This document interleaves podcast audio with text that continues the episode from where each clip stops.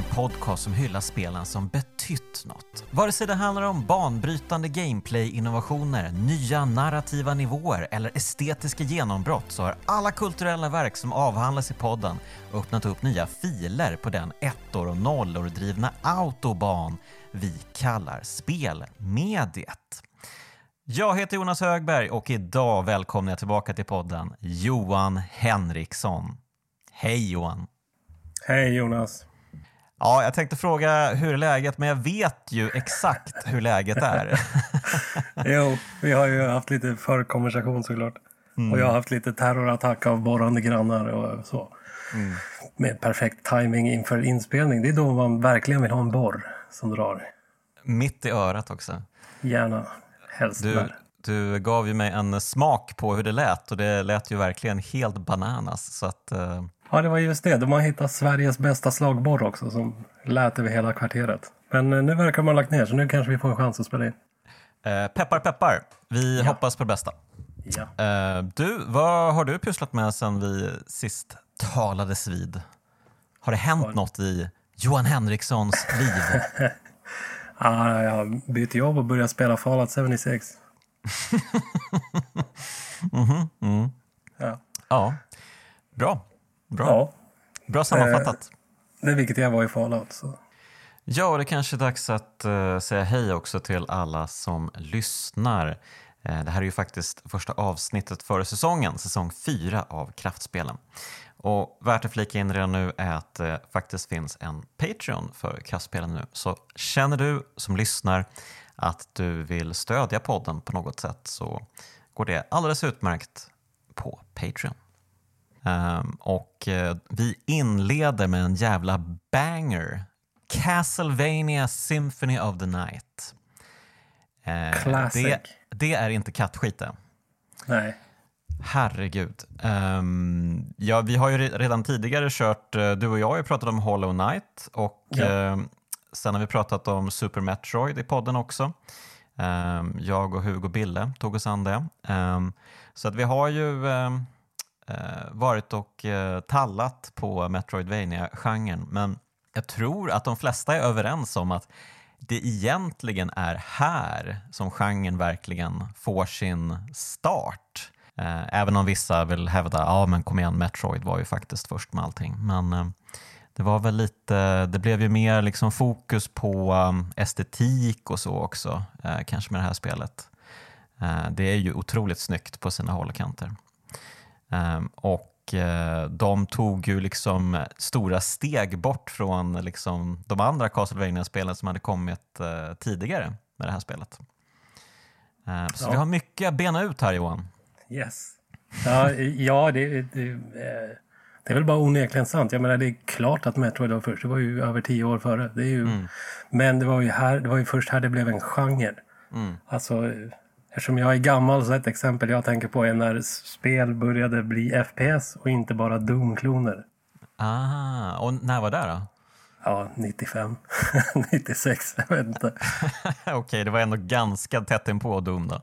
Jo, men, jo, precis. Men de tidiga Hexen och Heretic och sådär, det var ju, då hette det ju Doom-kloner. Och idag mm. säger man ju fan inte Doom-kloner 30 år senare. Liksom. Samma Nej, som precis. att i, innan hette det kanske, och nu heter ju genren Metroidvania, det är inte tok långt från Metroid-klon, men mm. eh. Det var ju först då. Ja, det var där det började bli en större... Det är klart det fanns andra spel också som hade den typen av icke-linjär öppen värld. Jag tror mm. på rak arm det äldsta jag känner till är Exile, heter det väl? Till, är det till Spectrum eller något sånt där? Oj, det har inte jag spelat. Nej, inte jag eh, heller. det är knappt att jag har hört talas om det, men eh, det ringer en klocka när du pratar om det. Men uh, jag kan inte se det framför mig. Men okej, okay, var du på Spektrum så är det kanske inte så mycket att se framför sig. För sig.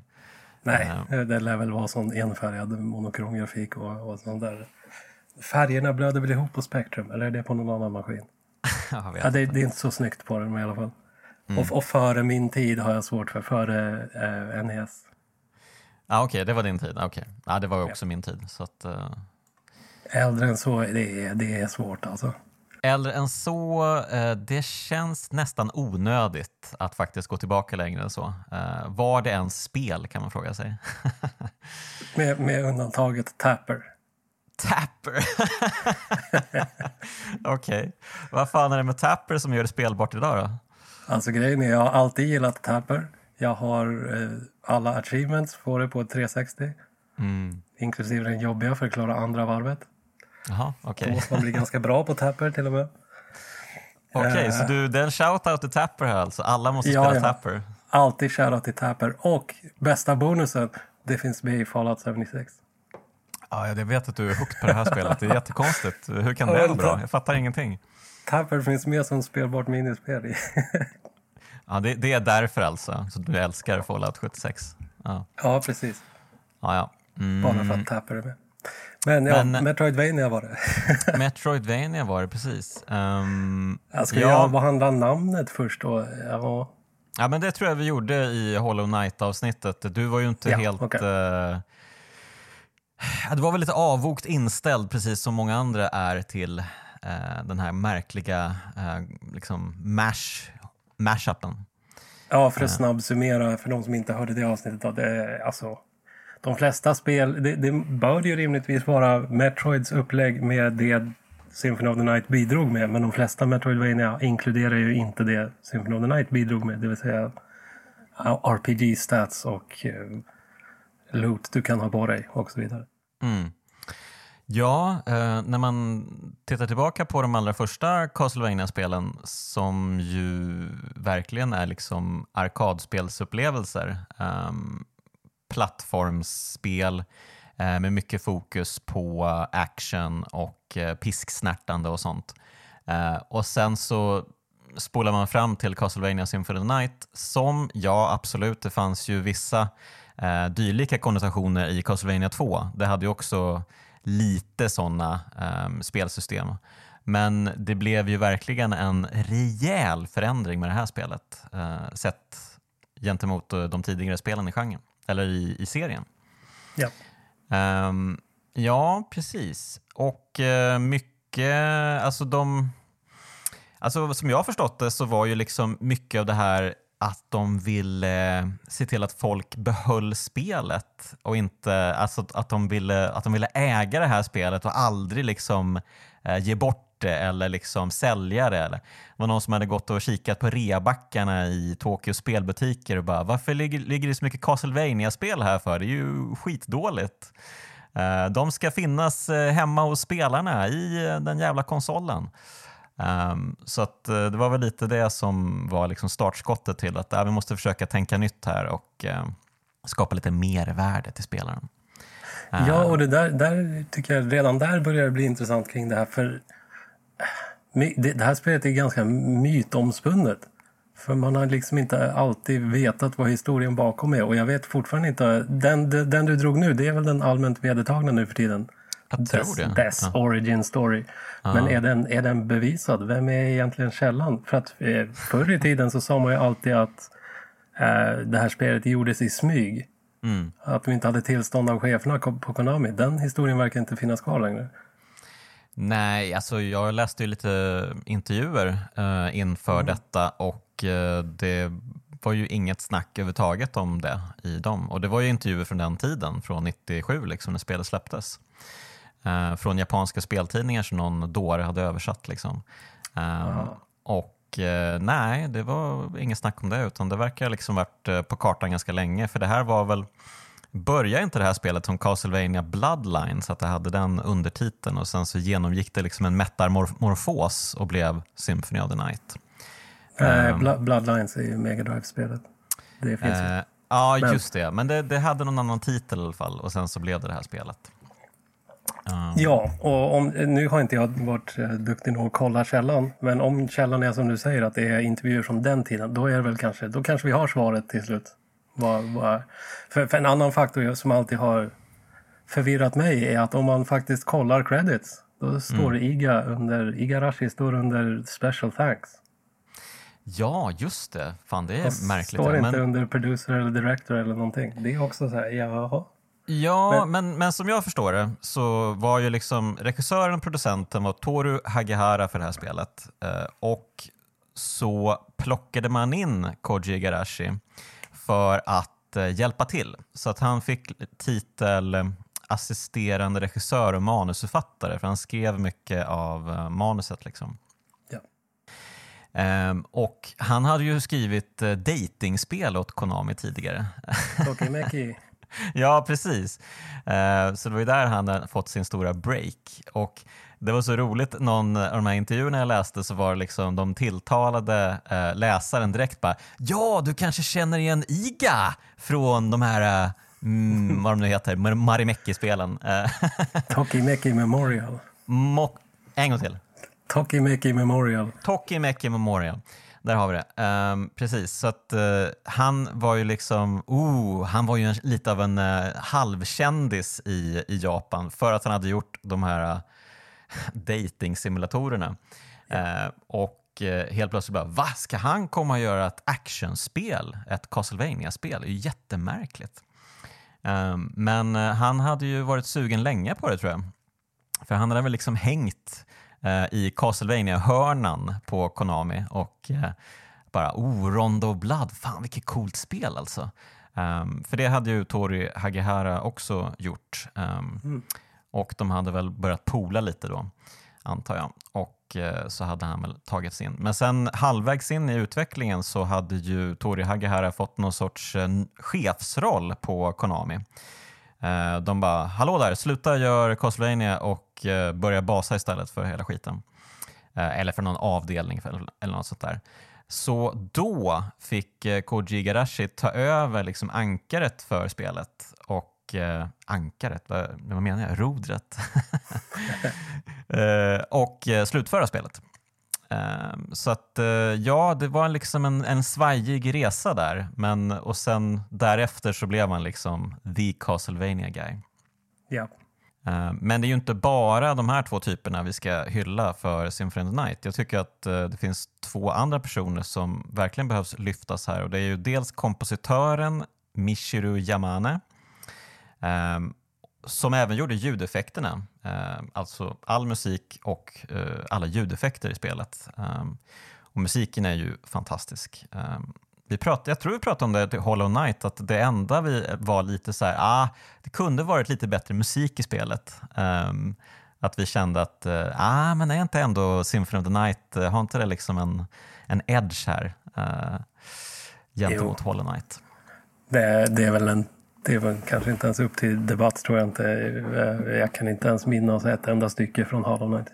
Nej, precis. Medan man bara, herregud, det finns så många fantastiska jävla låtar från, eh, från det här spelet. Eh, Rainbow Cemetery kanske är min absoluta favoritlåt.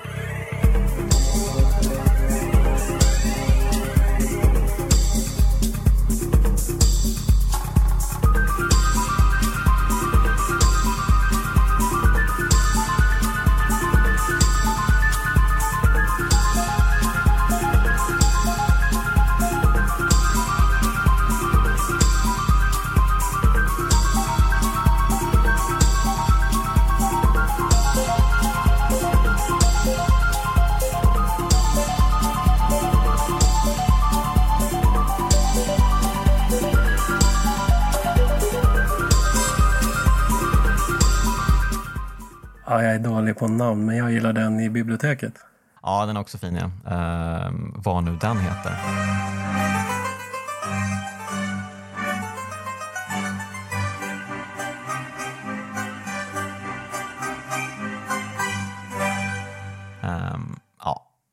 Många klassiker är det i alla fall som studsar i huvudet här. Uh, men och sen ska vi också nämna då illustratören Ayame Kojima som ju liksom skapade hela Igarashi-stilen för Castlevania-spelen. Uh, med de här uh, finlämmade karaktärerna med höga kindben och som har en extremt sval approach till livet i, i, liksom, i stort. Um, hon har och... väldigt udda målarstil som är någon form av blandning av målarstilar jag inte kan och väldigt eh, bishojo, alltså pretty boy manga-killar. Verkligen, verkligen. Och eh, häftiga kläder också. Ja. Så hon, hon har ju verkligen tagit ut svängarna och skapat något. Eh, ja, men innan, innan det här spelet hade man ju inte sett något liknande riktigt i tv-spelssammanhang. Nej, och det är fortfarande ganska ovanligt att de Concept artists brukar ju få måla hur de vill, men när det väl ska släppas och det ska vara omslaget och promotion och sånt där, det är ju sällan man tar några... Mm. Lika vågad konststil, konststil som det här gjorde. Ja, precis. Det är ju precis, det är hennes illustration på Alucard som är på omslaget och uh, den är ju ganska fräck och ganska vågad som du säger. Um, och det kanske var en del av orsaken till att uh, det sålde dåligt i början men sen när liksom word of mouth kom ut så blev det ju faktiskt en försäljningssuccé. Um, drygt 700 000 exemplar såldes uh, av Symphony of the Night. Um, vilket får sägas vara hyfsat ändå för att uh, den här typen av spelen då, uh, på den tiden också. Det var det väl. Men sen det finns ju också en faktor. I USA har de ett annat omslag, men det är ju, det är ju skitfult. Det är ju skit, alltså, sålde inte, men för att det är skitfult istället. Det är ju det, är det fula slottet från CG-introt på omslaget. Oh, gud, vi måste prata om det. Ja. Det, det, var ju, det är så himla bisarrt. Hur fan gick det till? Alltså, som jag har förstått det så var det liksom en helt annan eh, avdelning på Konami som gjorde liksom 3D eh, grafiken. De här få, få inslagen av slottet man ser. Eh, det är ju dels i början av spelet, eh, i mitten av spelet och i slutet av spelet när det händer saker med slottet. Då. Och eh, det är ju liksom, det är liksom helt berövat på um, skuggor och dylikt utan det ser ju verkligen ut som legoklossar nästan.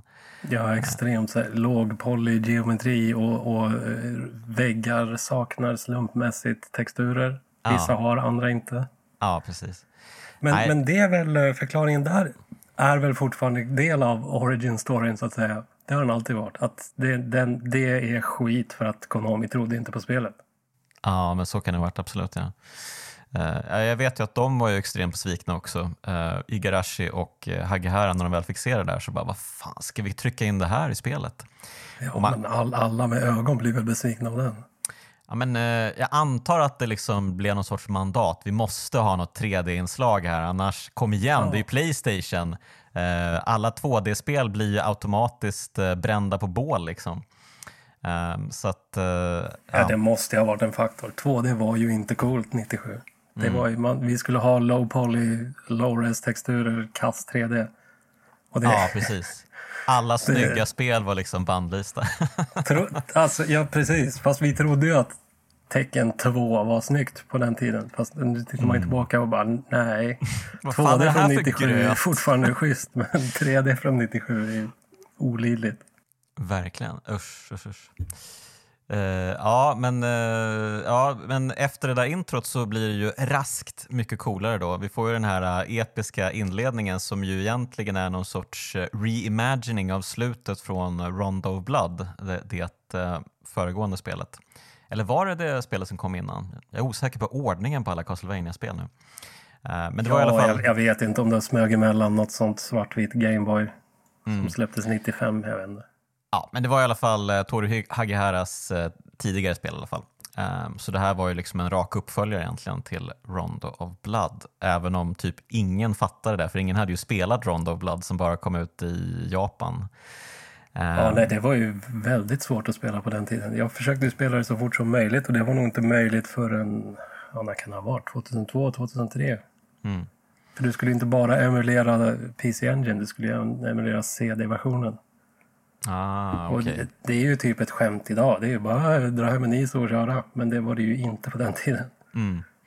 Och så ah. var det ju, eh, det är ju också ökänt få exemplar av det. Så det, var ju, det var ju svindyrt redan då. Jag kan inte ens tänka mig vad det kostar idag. Mm.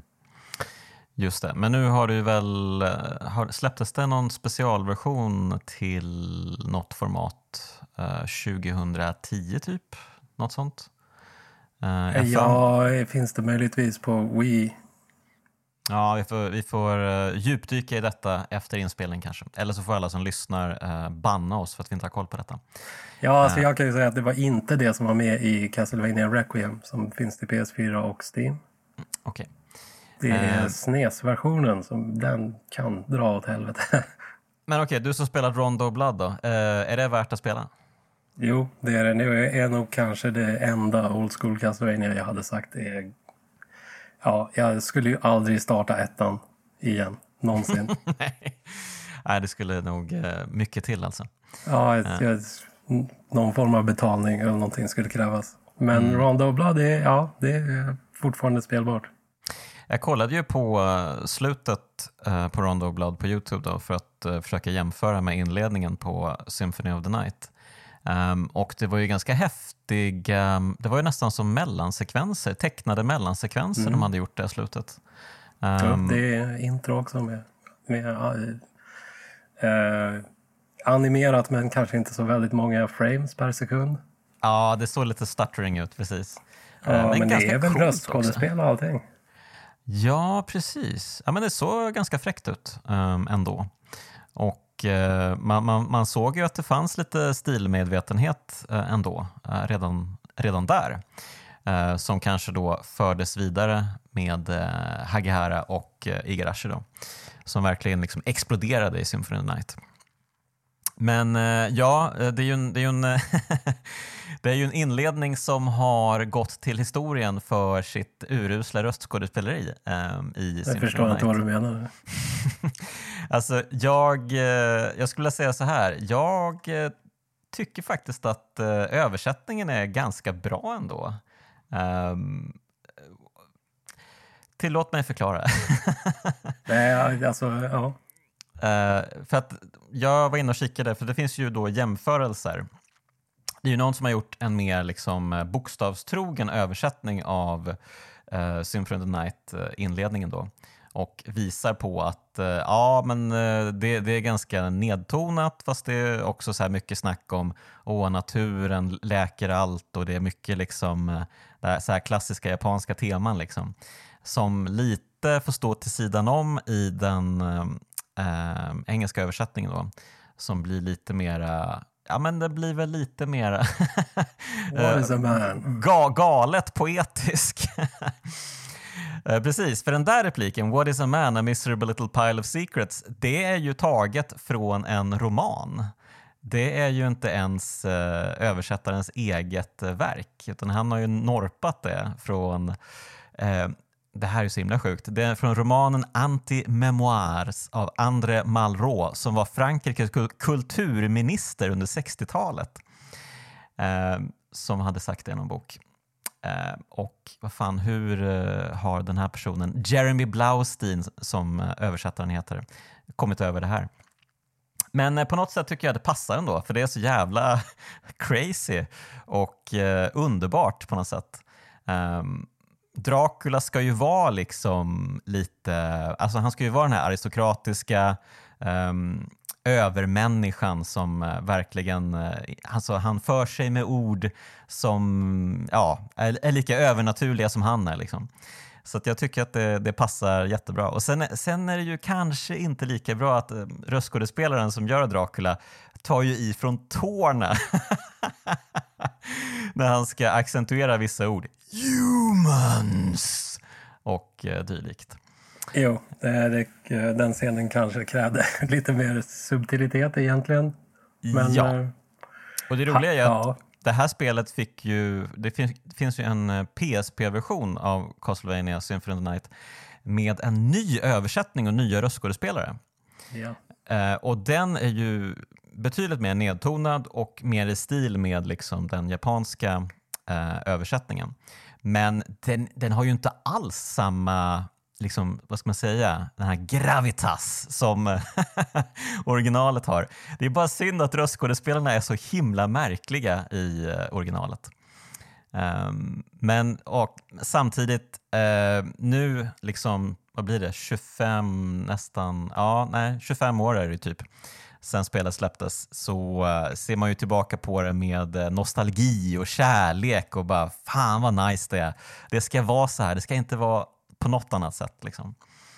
Uh, ja, Nej, det var ju, folk, folk, blev ju arga över nya översättningar på PSP. Mm. Med, med all rätt, precis som du säger. Det är klart, det ska ju vara så. Och det ska ju vara Mankind ill needs such a savior such as you. ja, precis. De pratar ju verkligen, det är ju roligt, han har ju verkligen liksom bläddrat i någon så här bok med typ medeltida uttryck och bara mm, vad kan jag hitta för någonting? Ill, ja men det är perfekt, det drar vi.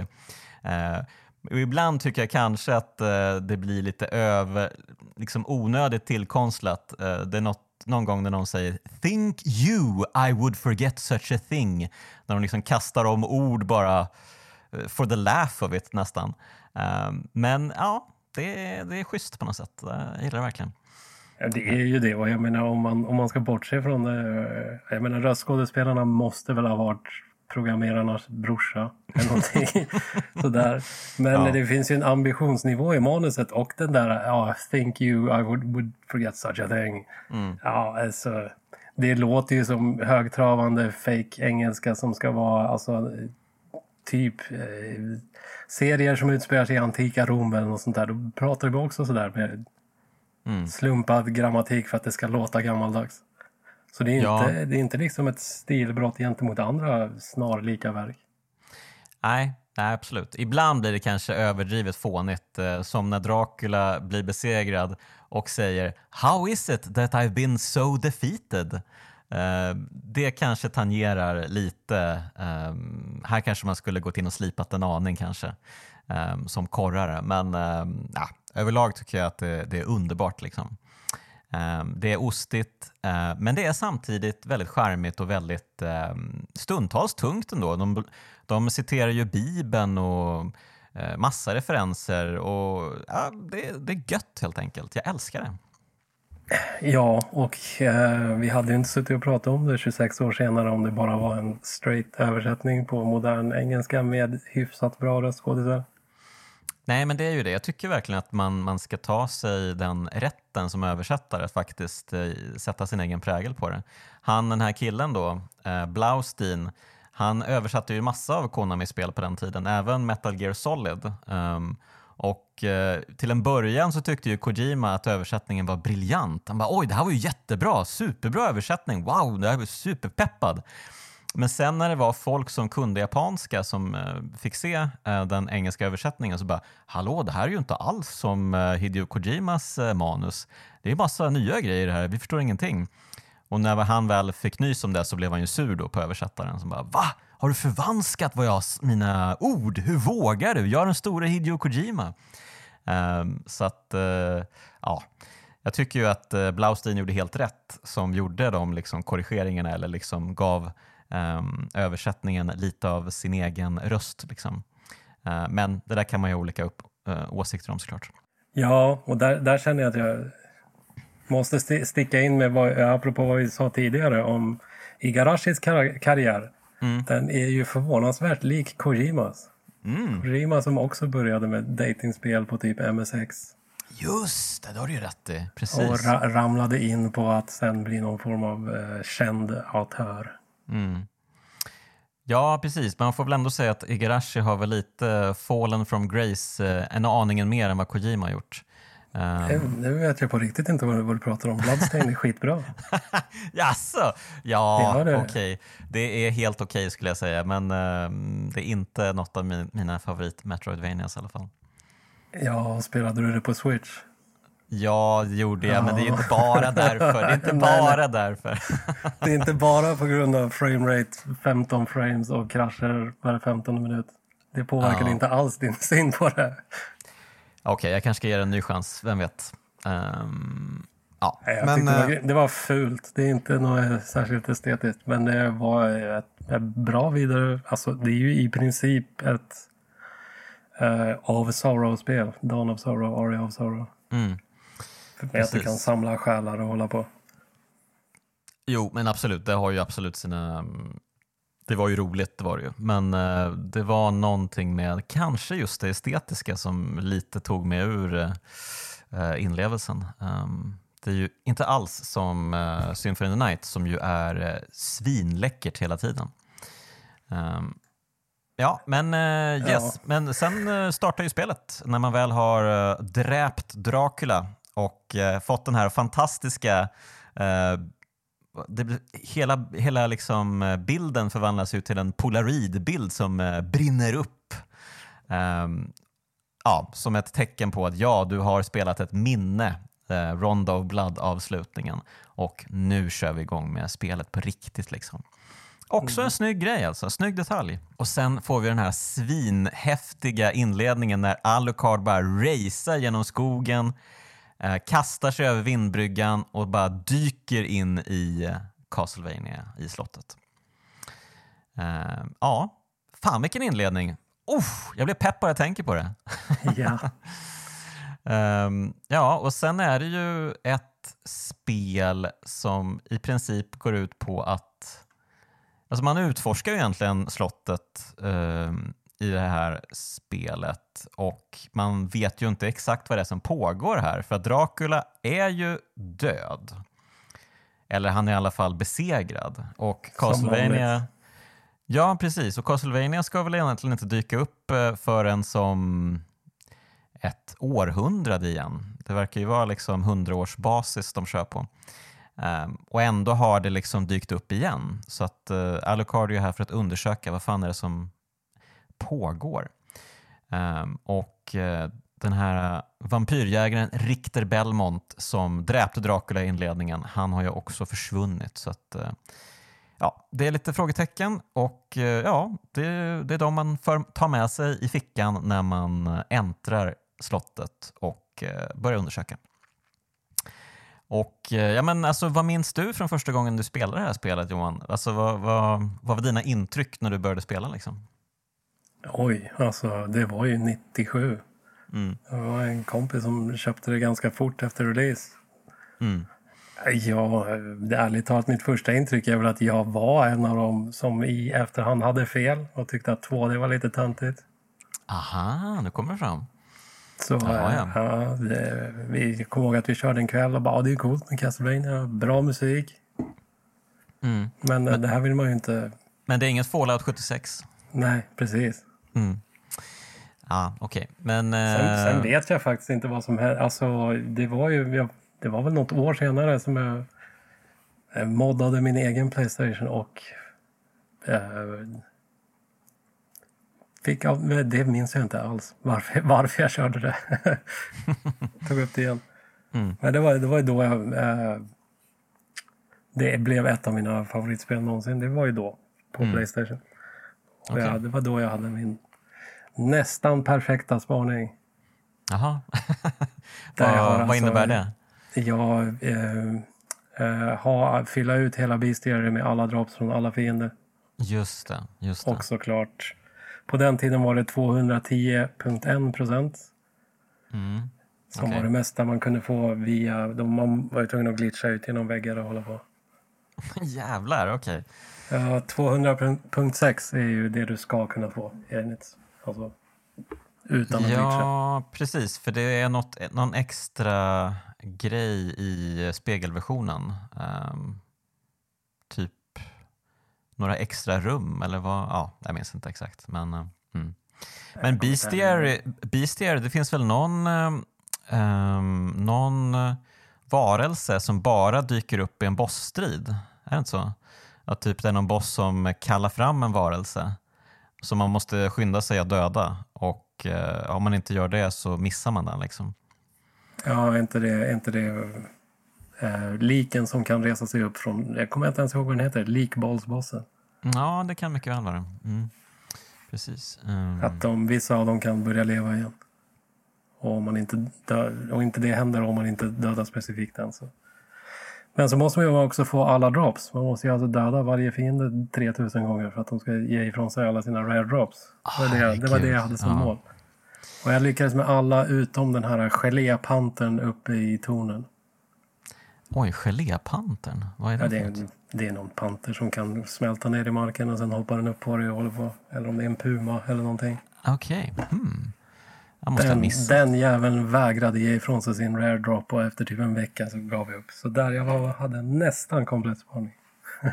Okej, okay, men då antar jag att du körde med de här uh, fusklackgrejerna då? Nej, det gjorde jag nog inte. Nej, okej. Okay. Det kanske du insåg senare att det fanns de här superföremålen uh, som ger en superfuskiga saker. Nej, föremål i spelet, då hade jag ju dem eftersom jag hade allting utom Panthern. Ja. Man, kan ju, man kan ju starta spelet, ja, nu är det ju lätt att kolla upp allting på nätet såklart, men, så jag gjorde ju det nu när jag, eh, jag spelade om eh, inför det här avsnittet. Eh, så finns det ju en fuskkod man kan skriva in om man skriver in sitt namn. Ehm, så finns det ju så här x-x lika med någonting. Ehm, så får man ju 99 lack. Yeah.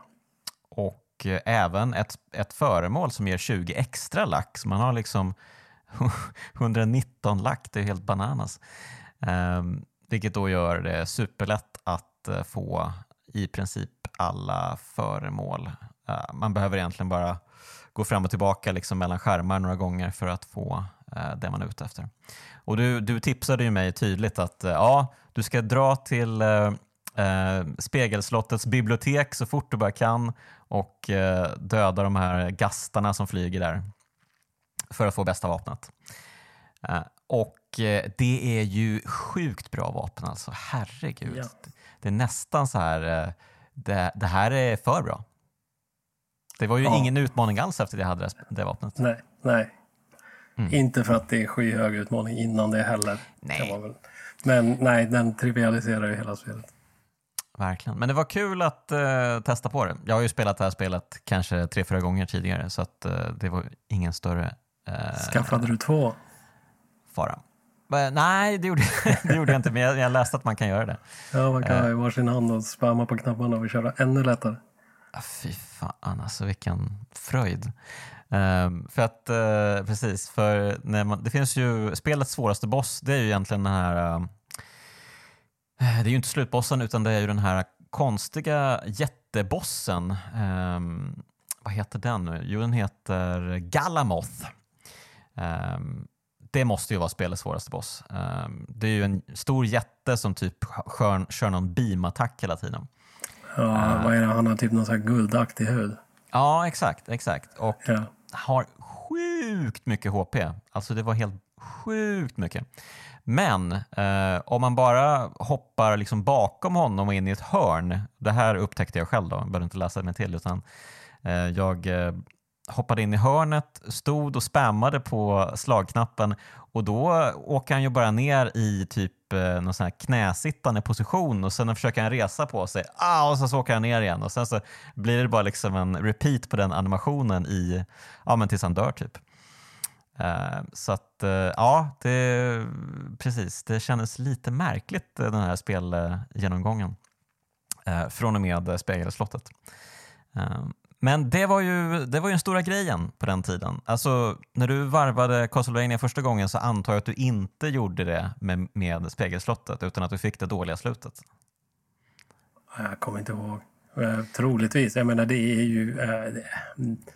Det är väl ett av de stora minusen med spelet, är att det är ju fan sjukt svårt att lista ut allting. Mm, verkligen. Det är väldigt vaga ledtrådar och, uh, och så är det så svårt att sätta sig in i, i, i tankesättet innan man kunde allting. Mm. Listade jag ut det här själv eller var jag tvungen att gamefax?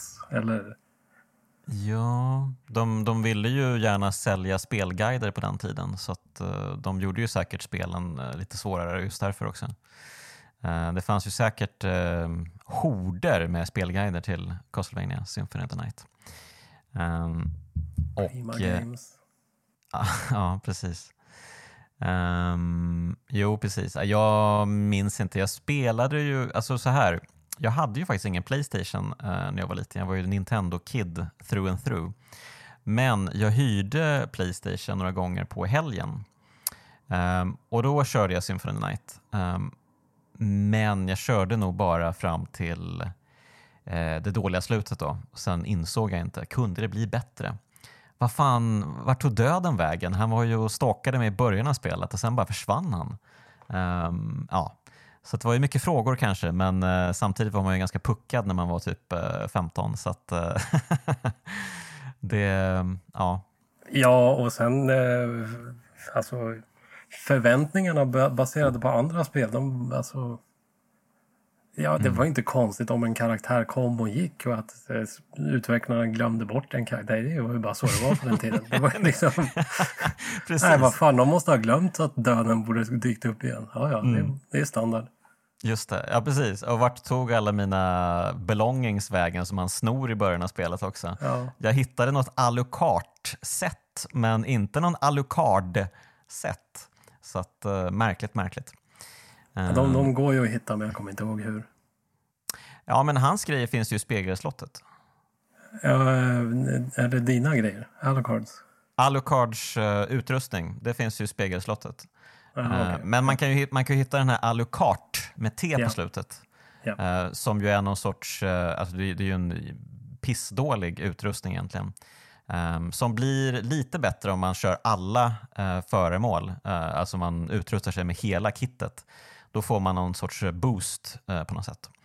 Men vem gör det när man ser att det här är ju typ som att spela med typ sämsta svärdet. Liksom. Hur tänkte de här? Och så kanske man inte tänker på att vänta nu här, det heter ju Alucard, inte Alucard. Ja. Eh, säkert. Där, där, där, där nuddar du ju på en annan nu, vet, nu, okay. nu ramlar jag i alla fall in på eh, kritik mot spelet, men en, ja, annan, en annan svag punkt är ju hur mycket bara fucking trash loot det finns. Ja, verkligen. När ska du någonsin använda det här skitsvärdet? Varför finns det? och, och, och väldigt mycket av det är ju också efter där du naturligt och utan ens försöka har hittat något mycket bättre. Det är ju en, det är ju en mm. konstig faktor i speldesignen.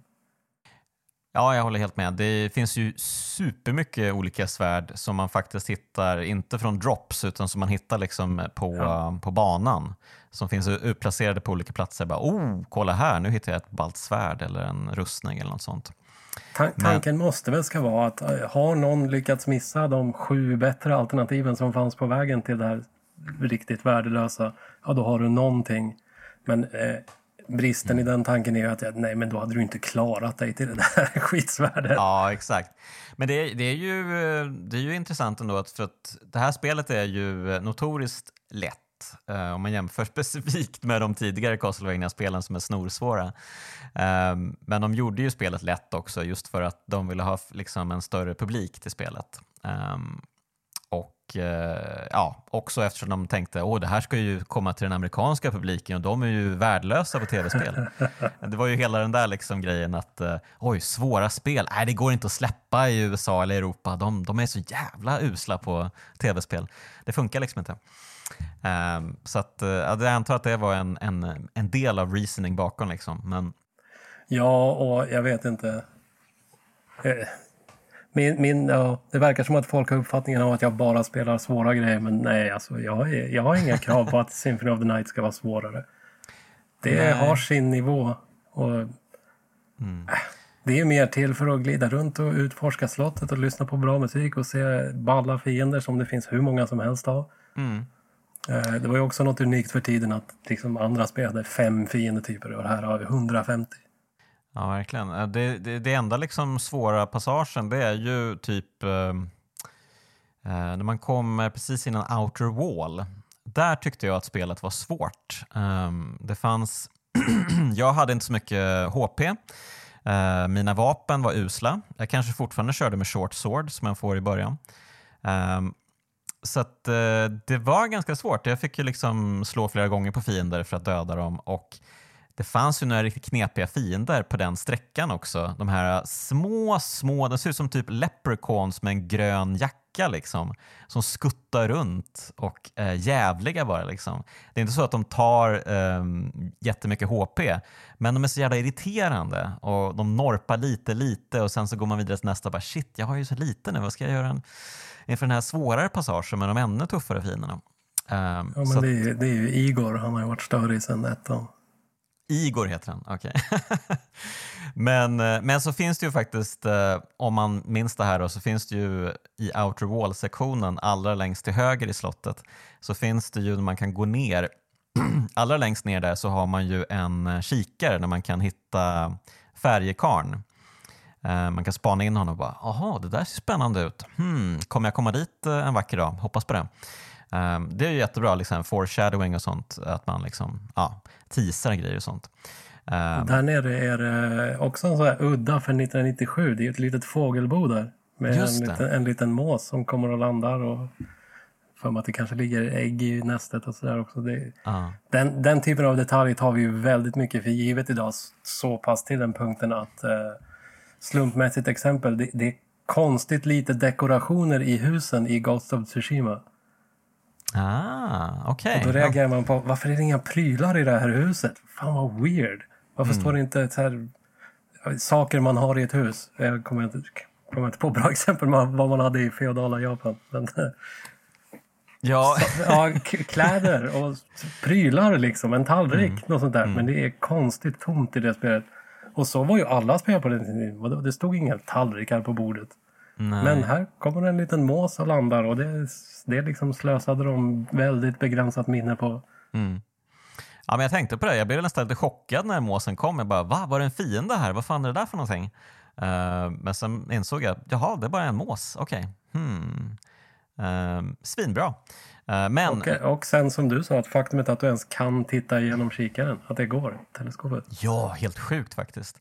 Uh, mycket häftigt rum. Det, det, finns ju liksom inga fiender där utan det är ju bara ett litet rum liksom som uh, hänger ner från uh, det här tornet man befinner sig i. Um, svinbra. Men om man hoppar upp en bit så kommer man ju till en jättetuff fiende som vaktar en dörr um, i Outer Wall och eh, där kan man ju liksom hålla på i en evighet med sitt pissvärd och bulta på den liksom. Eller så kollar man upp på nätet hur man gör för att eh, aktivera Alucards trollformler. Det är också en grej. Han, det finns ju så jävla många olika speltekniska inslag i det här spelet. Eh, jag hade faktiskt glömt att han hade trollformler. Um, och att det är liksom så Street fighter kombinationer för att aktivera dem.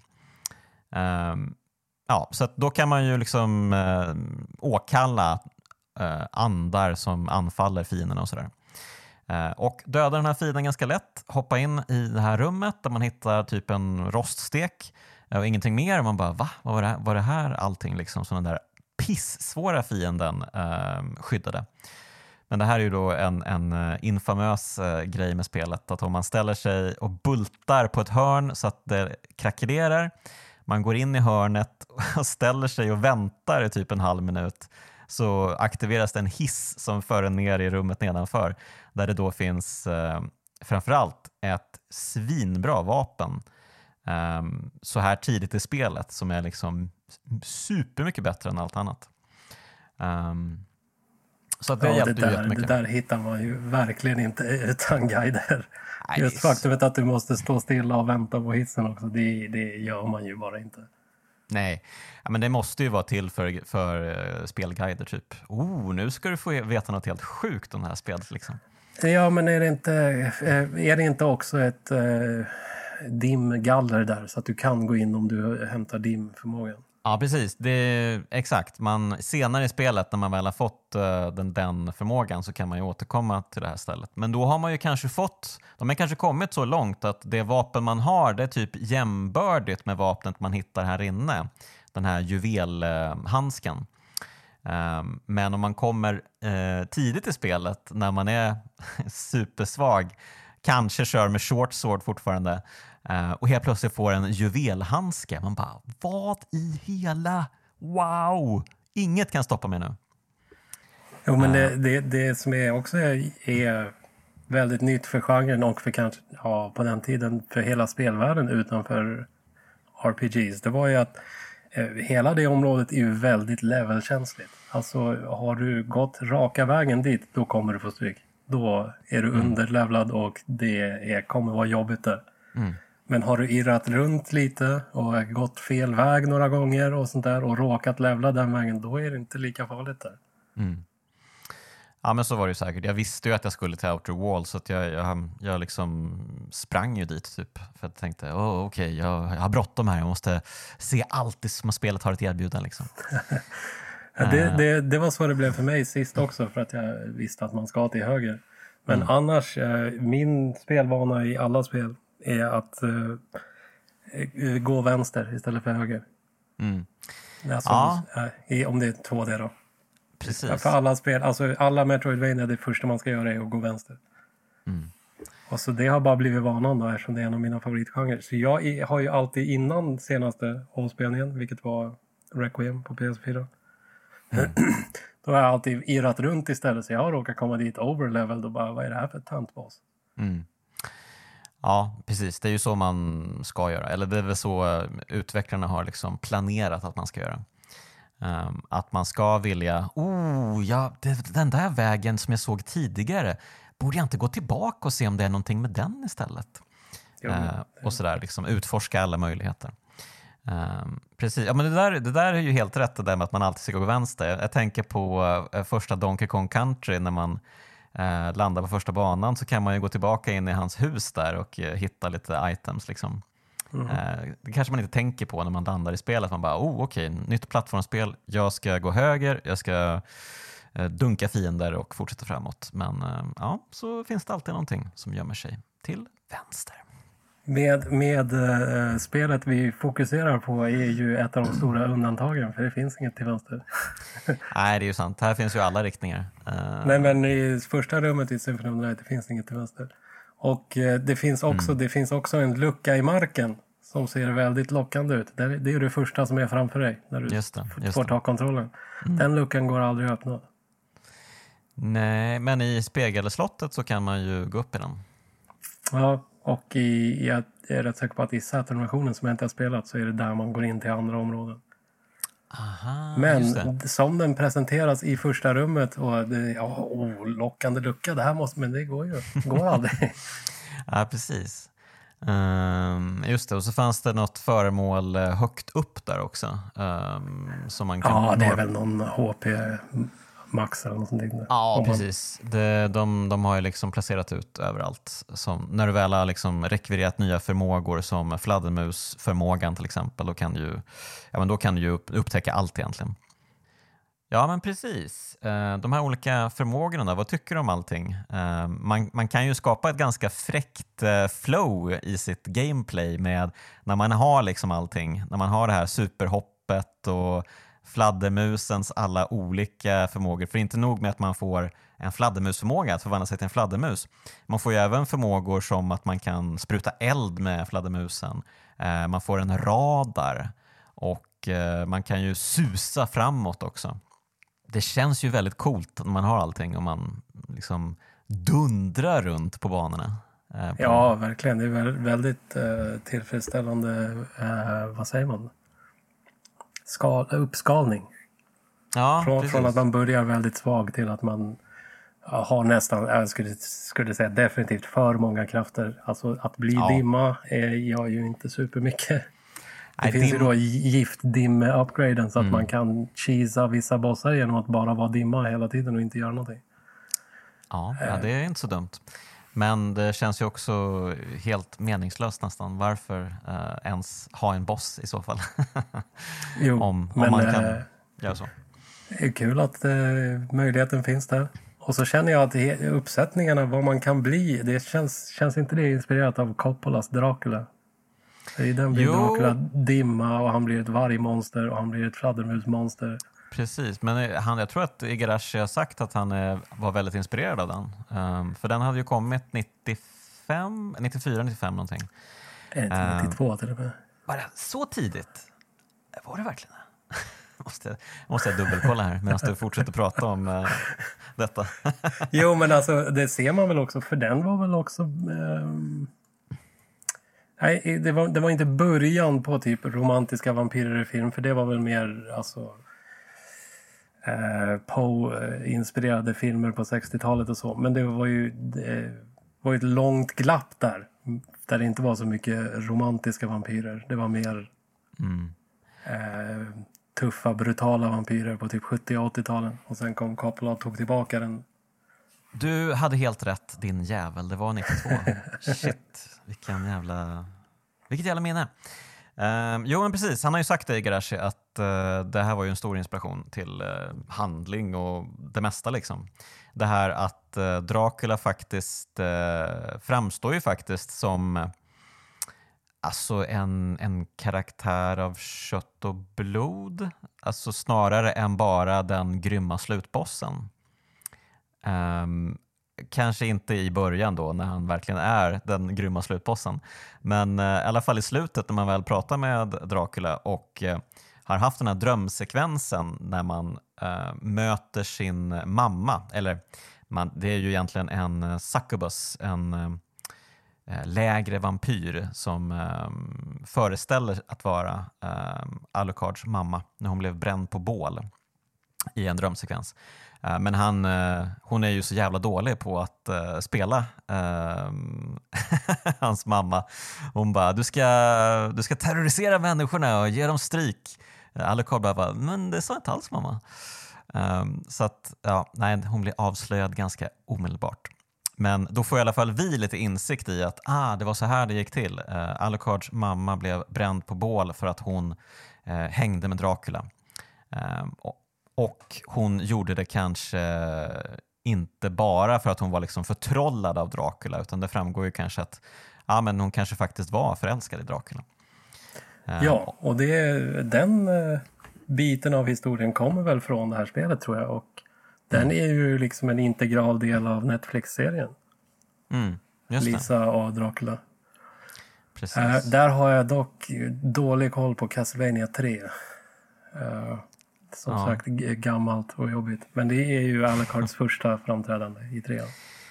Ja, precis. Men som jag förstår så är han ju väldigt annorlunda i trean gentemot uh, Symphony of the Night. Um, han är väl typ en mer vanlig karaktär. Här blir han ju verkligen en eh, goth-vampyr, liksom, så som vi eh, ser på vampyrer idag. När liksom alla populärkulturella eh, verk har försökt eh, eh, vad ska vi säga, feminisera vampyrerna och göra dem lite mera eh, tänkande varelser som har mycket angst och sådär. Eh, men eh, precis, så att eh, nej, man kanske får ta tag i Castlevania 3 en vacker dag. Uh, fast jag tror inte det. nej, nej, det lär inte bli. Men det är ju något, på något sätt talande i att är en serie med 150 000 delar. Mm. Eller hur många Castlevania det nu finns. Så när de skulle göra en serie så är det, det är karaktärer och story-element från trean och Symphony of the Night. Ja, Um, ja, alltså jag, jag, minns ju inte de, de, senare spelen som några liksom, oh, vilka häftiga stories det var i, i um, de här uh, som kom sen. Även i Garashis uh, spel. Um, det är väl uh, Aria of Sorrow är väl det som är lite intressant eftersom det utspelar sig i, i dåvarande nutid. Ja, just det. Precis. Och det ska ju vara slutet på historien väl? Mm. Ultimata förstörelsen av Dracula. Okej. Okay. Och att, ja nu, spoiler alert, sluta lyssna. Men att Soma skulle bli eh, Draculas arvtagare men han väljer att inte bli det och där tar historien slut. Just det. Eh, jag har inte spelat Aria of Sorrow sen ja, typ år 2002 kanske. Något sånt. Castlevania Advance Collection kom ju till slut. Vad gör du? Jag vet, jag vet. Jag har väntat 20 år på att de ska porta de där jävla spelen till slut bara. Det var ju mm. överraskningsutannonsering också. De bara, ja tjena, vi tänkte släppa dem. Ja, här är de. Okej. Okay. Mm. Ja, nej, det är, jag får bakläxa här helt enkelt. Eh, jag måste spela alla igen. Ja, jag uh. gjorde det. Jag kan säga, jag tyckte att Circle of the Moon höll inte längre. Nej, okej. Okay. Nej, det, nej, det tyckte jag var nästan olidligt idag. Men de andra två har sina poänger fortfarande. Harmony of Dissonance, är det så det heter? Ja. Mm. Ja, nej, men eh, jag minns dem som mysiga spel. Eh, det är ju verkligen mycket, mycket spelsystem därifrån som jag minns, mer än story-element. Liksom. Ja, men... och där kom jag på att där skulle vi under din credit-sektion i början så missade vi ett namn. Mm -hmm. Curry the Kid. Curry the Kid? Ja, det är hans uh, artistnamn. Jag har ingen aning om vad han heter på riktigt. Och han är ju så lite doldis. Han vill ju typ inte vara kändis heller. Så det är därför det inte är så mycket omtalande om honom. Men det är ju hans... Han är ju... Om Igarashis vänstra hand är Yamane och Kojima mm. för konst, äh, det estetiska så är Curry the Kid hans högra hand för mekanikens system. Okej, okay, kul. den hemliga hissen i väggen, det är säkert Curry. Åh, oh, det är så typiskt Curry. ja, men det är liksom... För grejen är att, inte heller lika publicerat, men när Igarashi startade sitt nya företag och bjöd in Kojima och Yamane och gamla gänget så Curry är ju också med på Bloodstained. Okej, okay, okej. Okay. Ja, jag har helt missat Curry känner jag. Det får skämmas lite här. Um... Han är verkligen inte så omtalad och jag är inte heller expert för som sagt han vill ju att, alltså, han vill inte vara kändis, han vill bara designa kul idéer till spel. Typ. Um, okay, men det är vad jag då... förstår han som kommer med mycket av de här små udda idéerna. Säkert han som eh, gjorde teleskopet också. La fram idén och skrev koden för att kunna titta igenom teleskopet. Mm. Och måsen. Eh, alltså, kanske. det är nog så mycket programmering bakom den. Men... måsen kanske kändes mer Igarashi, jag vet inte. Uh, ja men uh, Curry the där... Kid. Ja, han, han måste nämnas i alla fall.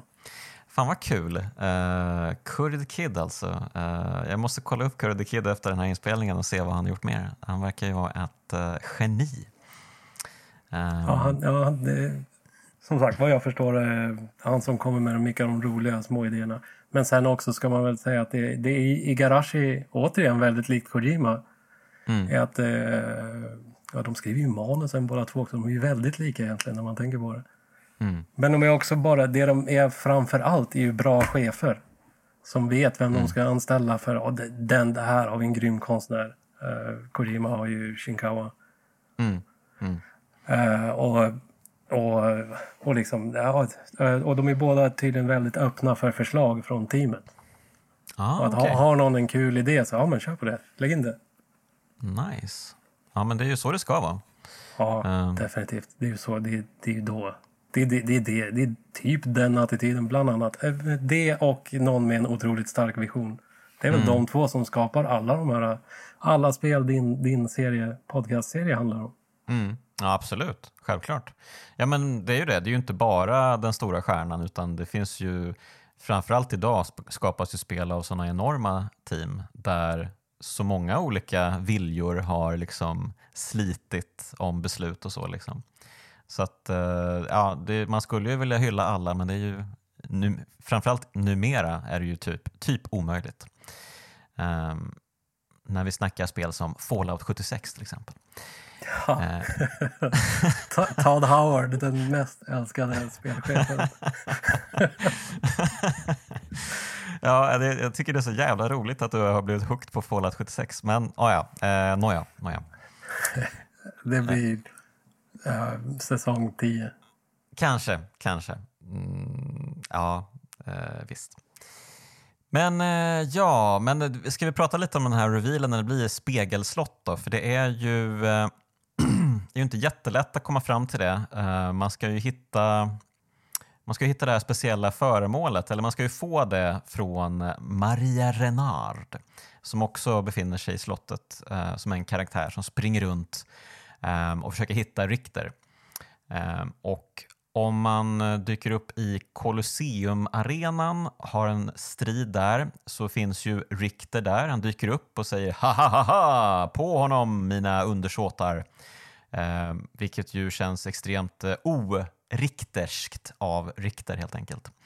Ehm, och Alucard eh, börjar fundera på, hmm, allt verkar inte stå rätt till här.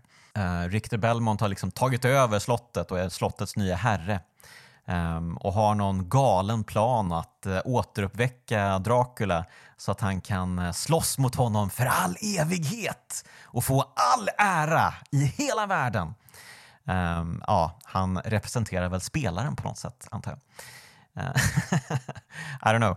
Men uh, i alla fall, då, till slut så har man lyckats övertyga Maria att uh, det är något knasigt på gång här. Richter har blivit knäpp. Ja, men ta de här uh, glajjorna, ta på dig dem typ, så kommer du att ja, men den kanske kan hjälpa dig att se sanningen här. Um, och har man på sig de här specialgrejerna, uh, Holy Glasses uh, under den här striden mot Richter i tronrummet uh, så får man ju se att det finns en grön kula som kontrollerar honom um, och om man istället då koncentrerar sin, sina attacker på kulan då, så bryter man den här prästen som heter Shaft Eh, vilket också är så här, varför döpte de, döpte de honom till Shaft?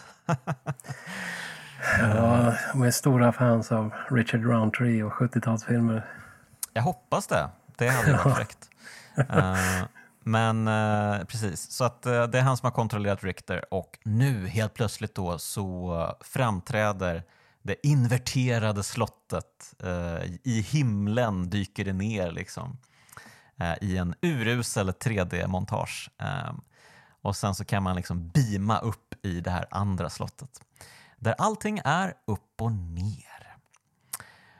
Uh, och uh, jag menar alltså så här, vad, vad, tycker du om uh, speldesignen? Um, alltså vanliga slottet kontra spegelslottet. Tycker du, alltså, tycker du det funkar? Jag menar level designmässigt, nej det gör det ju inte. Det är, mm. är ju, det är ju bara samma rum upp och ner. Och det blir, många rum blir ganska dumma och störiga och du måste ha liksom superhoppet eller fladdermusen. Ja. Men samtidigt så är det ju inte, det är ju inte så dåligt att det förstör att det är ju bland det mest förvånansvärda någonsin i ett spel. Att hela världen igen, fast upp och ner. Mm. Det är ju än idag, nu med alltså, spel som har hela Egypten som, som spelvärld och sådär. Det är fortfarande inte så att man... Eh, en sån bizarr sak händer. Att mm. ja, vi vänder upp och ner på den eller vi inverterar den eller gör någonting. Vi, det, nej, sånt gör man inte. Nej. Nej, precis. Eh, det enda jag eh, minns någon sorts motsvarighet är ju att det finns en spegelkupp i Mario Kart 64 där de mm, äh, spegelvänder banorna. Mm, och det, det kom väl typ samtidigt som det här, 97 eller 98 kanske kom. Um, så det, det kanske blev en trend, det här spelet, som skapade uh, att alla skulle invertera och spegelvända saker. Um, ja, men jag håller med. Det är ju märkligt att spela de här uh, samma banor upp och ner. Um, och det, jag håller med om att, uh, för att man märker ju att rent så här uh, längden upp till plattformshoppen, den är ju liksom inte kalibrerad för det här spegelslottet. Och har man inte superhoppet så måste man ju Ehm, förvandla sig till eh, fladdermus eh, mitt i hoppet för att ta sig upp hela vägen. Och det är ju extremt irriterande eh, när man hoppar flera gånger och tar sig upp typ i ett torn någonstans. Ehm, så ja, det är verkligen inte ehm, en superbra idé egentligen, det här. Men alltså det var ju coolt, det var ju det verkligen. Um, i alla fall där och då.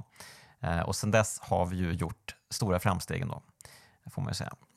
Ja, och med tanke på att ja, eh, alltså speciellt pixelgrafik, det är sanslöst mycket jobb att göra ett helt tillslott. Så att, äh, mm. det, det, är inte skitbra och det finns många rum som bara blir dumma. Och mm. på vissa ställen har de ju inte haft något annat val än att lägga till plattformar som bara finns i upp och nervända. Mm, För att annars det. bara går det inte att nå.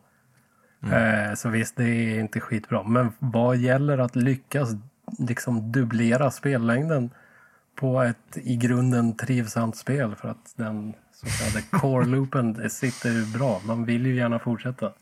Den sitter i ryggraden.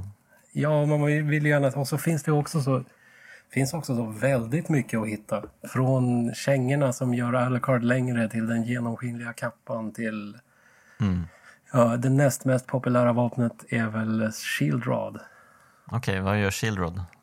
Ja, den gör olika effekter baserat på vilken sköld du har i andra handen. Oj!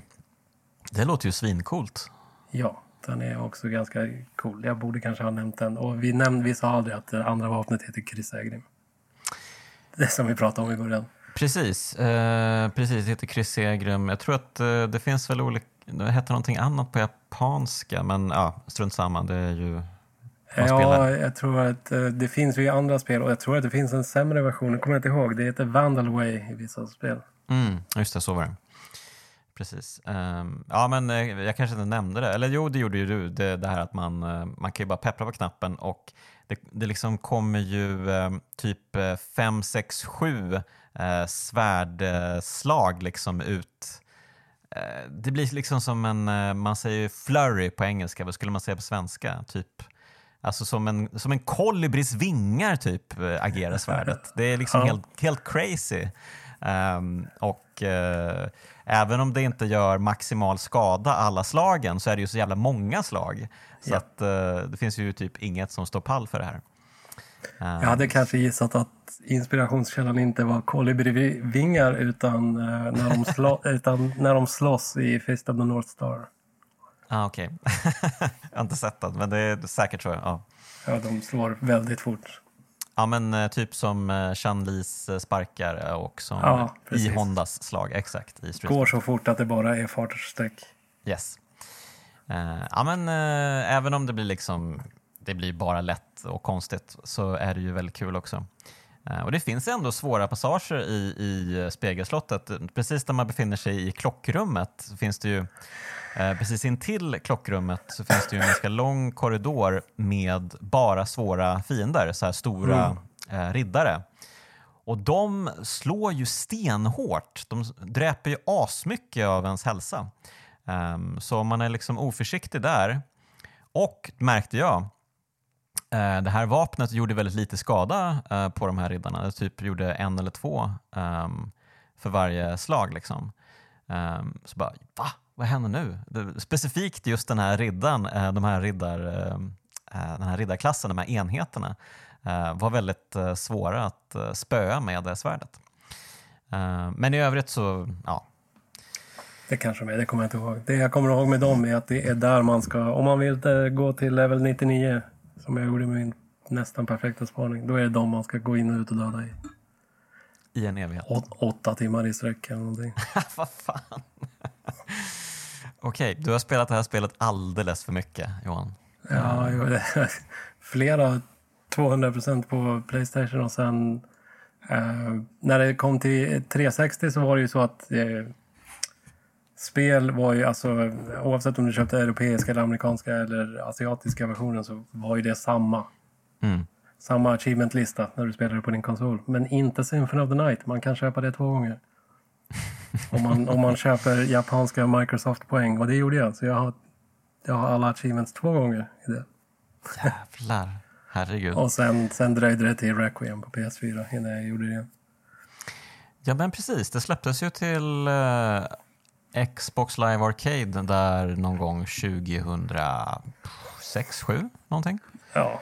Uh, och de gjorde väl någon uh, typ Eh, det var ju till och med för stort för Live Arcade men de gjorde någon sån här undantag. Okej, ni får lägga på några megabyte eh, för att kunna lägga in det här spelet. Ja, eh, det fanns lite töntiga restriktioner där i början. Ja, verkligen. Um, ja, det var coolt att återupp, återupp, uh, vad säger man? återuppväcka känslorna uh, för det spelet när man spelade. Jävlar alltså. Jag spelade kanske två, tre gånger bara på Xbox Live Arcade. Alltså. Grymt spel. Grymt spel. Um, ja, men alltså, är det något mer vi, vi behöver täcka? Liksom? Var, är det någon särskild boss som står ut för dig i spelet? Ja, men det, är, det är väl lite svårt att eh, glömma likbollen. Belzebub. Heter den så? Jag tror det. Det är ju ett ruttnande lik i alla fall. Nej, uh. det är likbollen med ett öga i mitten.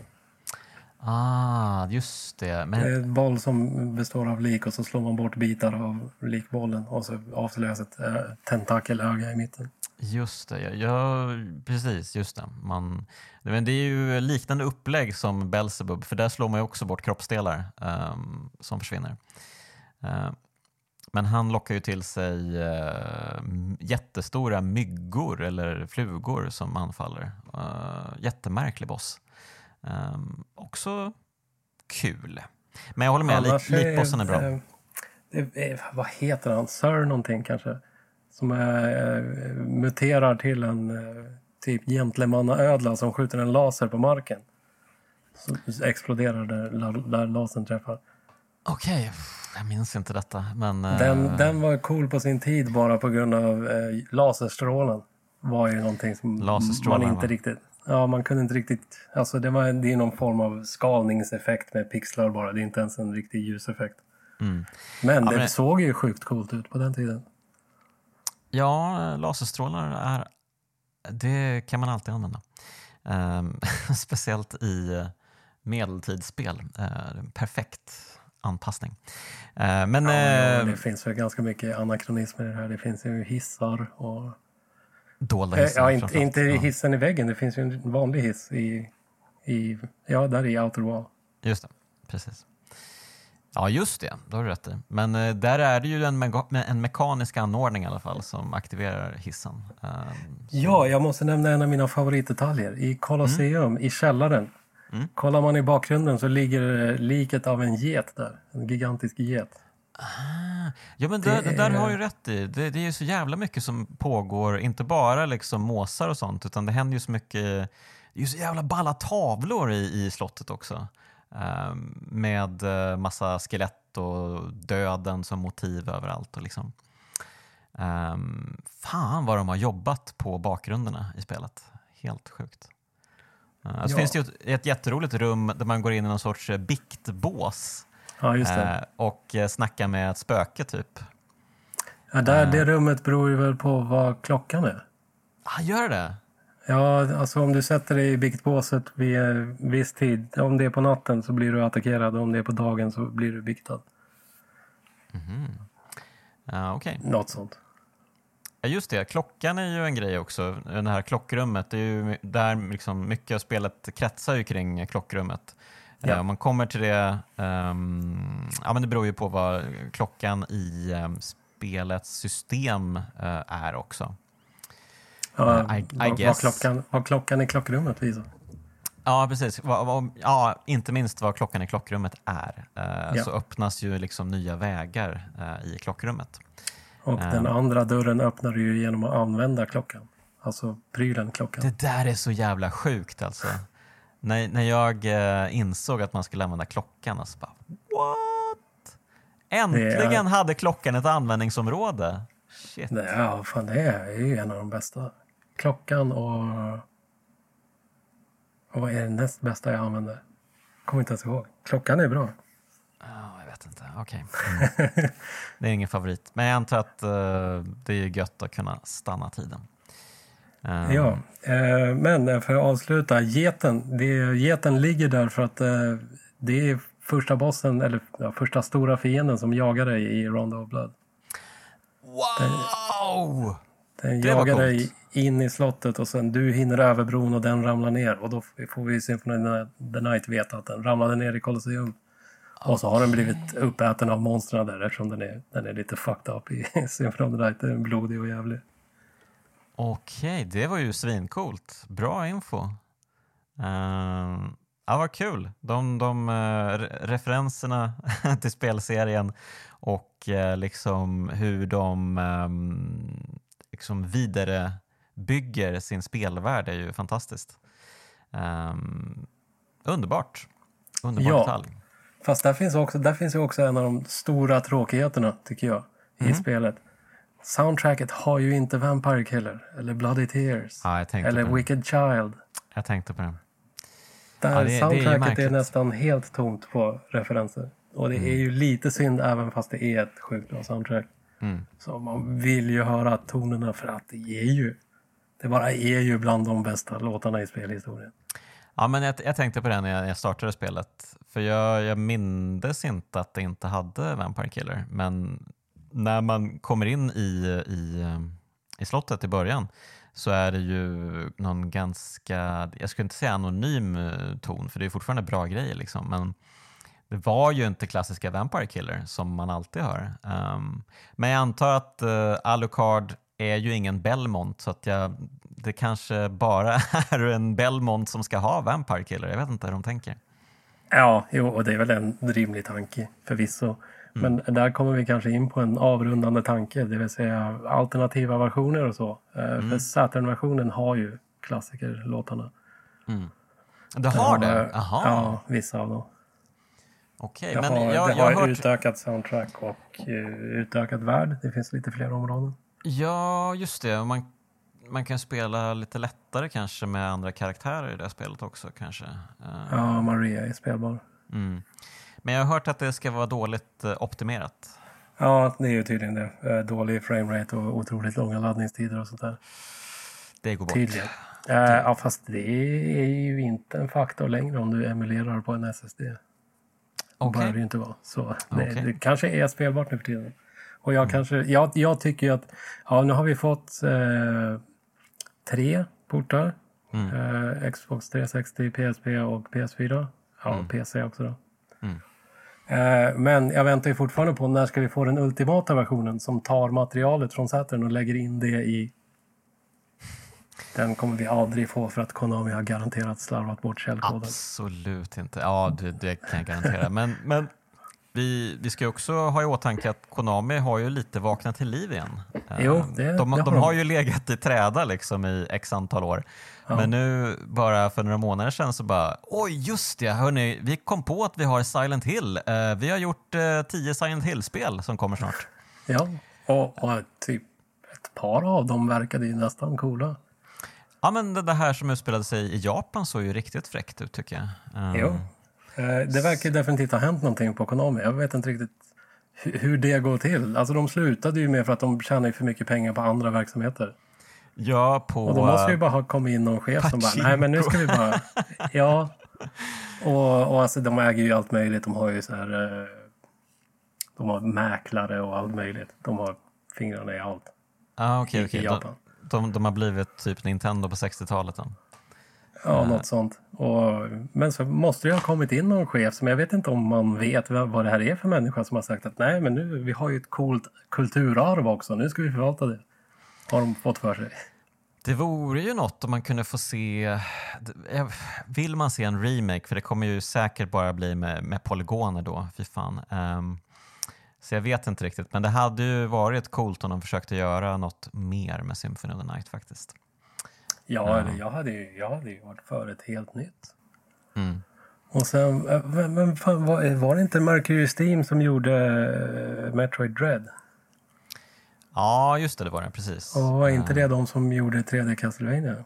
Nu vet jag inte om jag blandar ihop rejält. Ja du, det var en bra fråga. Jo, det var Mercury Steam som gjorde det. Jag tyckte faktiskt att det var helt okej okay ändå. Var inte lika uselt som många uh, hävdade. Nej, och nu det där var bara ett svamligt, förmodligen ihopblandat. Ja, det är någonting annat säger man att de som gjorde 3D Castlevania gick i konkurs, så det kanske inte var de. Uh, nej men precis, det var inte Mercury Steam som gjorde... Um, jo, jo du har rätt! Du har rätt. Det, Metroid Dread gjorde Mercury Steam och uh, Metroid Samus Returns gjorde de också. Uh, och dessförinnan uh, Castlevania Lords of Shadow och uh, tvåan och Mirror of Fate. Så att ja. Då kommer jag blivit, rätt alltså? De är någon sorts ställföreträdande Metroidvania Um, ja, men i och med att de gjorde bra ifrån sig med Dread och har gjort Castlevania, låt dem göra ett nytt då. Ja, ja. Det är, och, sen, och sen finns det ju också, alltså, nu finns det ju hur mycket talang som helst på liksom, mediumstora eh, utvecklare, eller vad man ska säga. Har du spelat Metroid Dread? Nej, jag har inte det. Alltså det, det, var ju, på sina håll och kanter var det ju väldigt bra, men det var ju också många, många liksom irriterande speltekniska saker i det där spelet. Um, så jag är ändå lite orolig om de skulle liksom ta över. Uh, de skulle liksom bara flika in massa så helt onödiga grejer. Eh, så när man blir jagad av superrobotar och sånt. Liksom. Och, eh, liksom hela bandesignen, eh, hela stora områden av spelet bara är liksom för att fly från robotarna och inte liksom för utforskning och liksom hitta nya items och sånt. Eh, så det kändes lite beige. Eh, men absolut, eh, någon borde ta tag i Castlevania igen. Vem ja, vet? alltså spontan idé. Några som nog hade gjort det jävligt bra är väl kanske Supergiant. Ja, det hade ju varit något, absolut. Och kanske med Koji Igarashi i någon sorts stödroll kanske. Och Curry. Kanske. Ja. kanske, kanske. Vem vet? Ja, men om du ska försöka sammanfatta det här då Johan. Varför tycker du att Castlevania Symphony of the Night är ett kraftspel? Oj. Oj. Jag har inte lagt 90 minuter på att gå igenom det. Alltså, jag, jag menar, väldigt banbrytande för sin tid och eh, vågat och udda med mm. eh, all estetik från målningarna till eh, eh, den collageaktiga, lite punkaktiga grafiken. Med, alltså att den mm. blandar polygoner som inte är skitsnygga. Med, och så har det är olika upplösningar på olika fiender. Vissa mm. är pixliga som ett C64-spel och andra är högupplösta. ja. eh, det var väl kanske inte medvetet beslut, beslut så.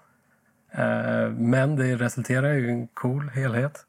Mm. Och, och, att det också... Eh, det första Castlevania som ens försöker sig på att ha ett manus med långa dialogsekvenser. Mm.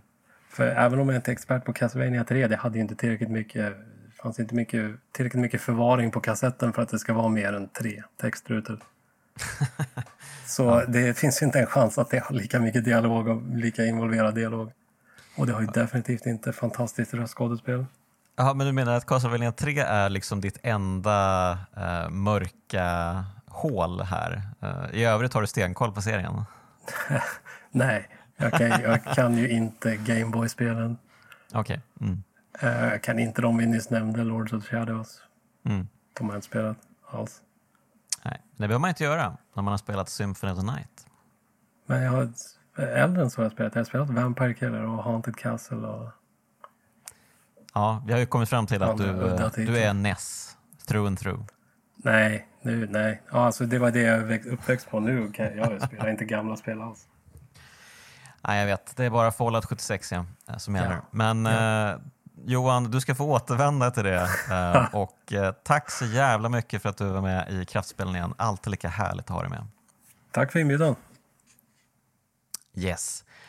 Ett eh, stort tack till de finfina pojkarna i Bitpopbandet 047. Ett stort tack till dig som lyssnar. Um, ja, kom ihåg, det finns en Patreon. Ehm, och ja, alltså vill du höra mig eh, recensera Steam Deck och prata om tv-spel så har jag även en Youtube-sida som du kan kolla in. Den heter Jonas Högberg. Ja, men det här innebär ju att kraftspelen är igång igen. Nu kör vi allihopa in i kaklet. Ett avsnitt i veckan, hela vägen fram till sommaren. Och vi hörs igen nästa vecka.